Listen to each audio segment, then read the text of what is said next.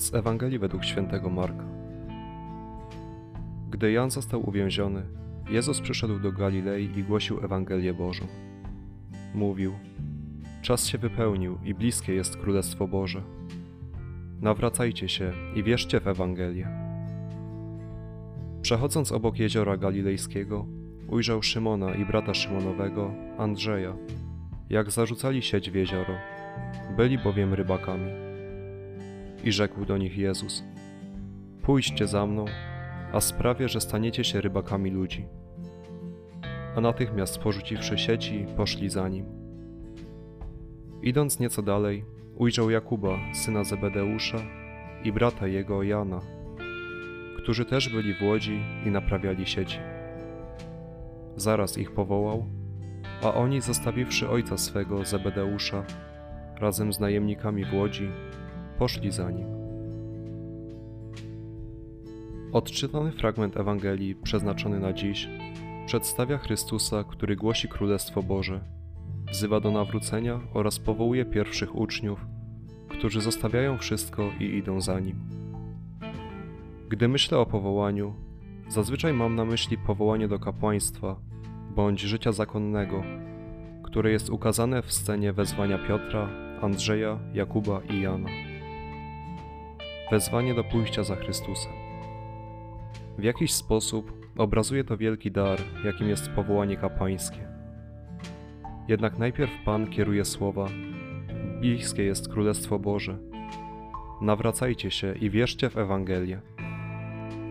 Pierwszym i podstawowym powołaniem każdego z osobna jest Boże wezwanie do wiary w Niego oraz nawrócenia się z grzesznych postaw i zaczęcie życia według Ewangelii. Bez pójścia za tym wołaniem nie da się kroczyć drogą powołania szczególnego, które daje nam Bóg, kapłańskiego, rodzinnego, czy też do życia samotnego. Każdy, kto nazywa siebie uczniem Jezusa, musi najpierw pragnąć świętości, której On udziela. Bez niej nasze czyny, nawet najszlachetniejsze, będą tylko ludzkimi działaniami. Warto w tym miejscu zadać sobie pytanie, czy pragnę świętości? Nie uważam, że wystarczy być dobrym człowiekiem, czynić to, co dobre.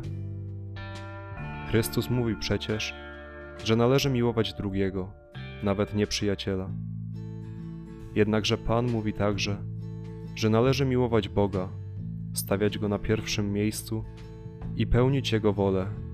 Znaczy to pragnąć Go poznać, być jak On, być świętym, jak On jest święty.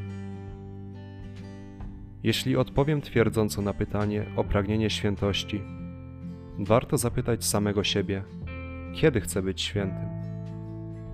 Może rodzić się we mnie myśl, świętym będę dopiero po śmierci, bądź po wielu latach modlitwy i dobrych uczynków. Tymczasem Chrystus wzywa mnie do nawrócenia i wiary w Ewangelię tu i teraz, niezależnie od wieku, płci i zajmowanej pozycji w społeczeństwie. Pan powołuje każdego mnie, Ciebie, Jego i ją, abyśmy byli święci tu i teraz. Chrystus wzywa wielu do szczególnego pójścia za Nim w życiu kapłańskim i zakonnym. Obejmę dziś swoją modlitwą wszystkich powołanych.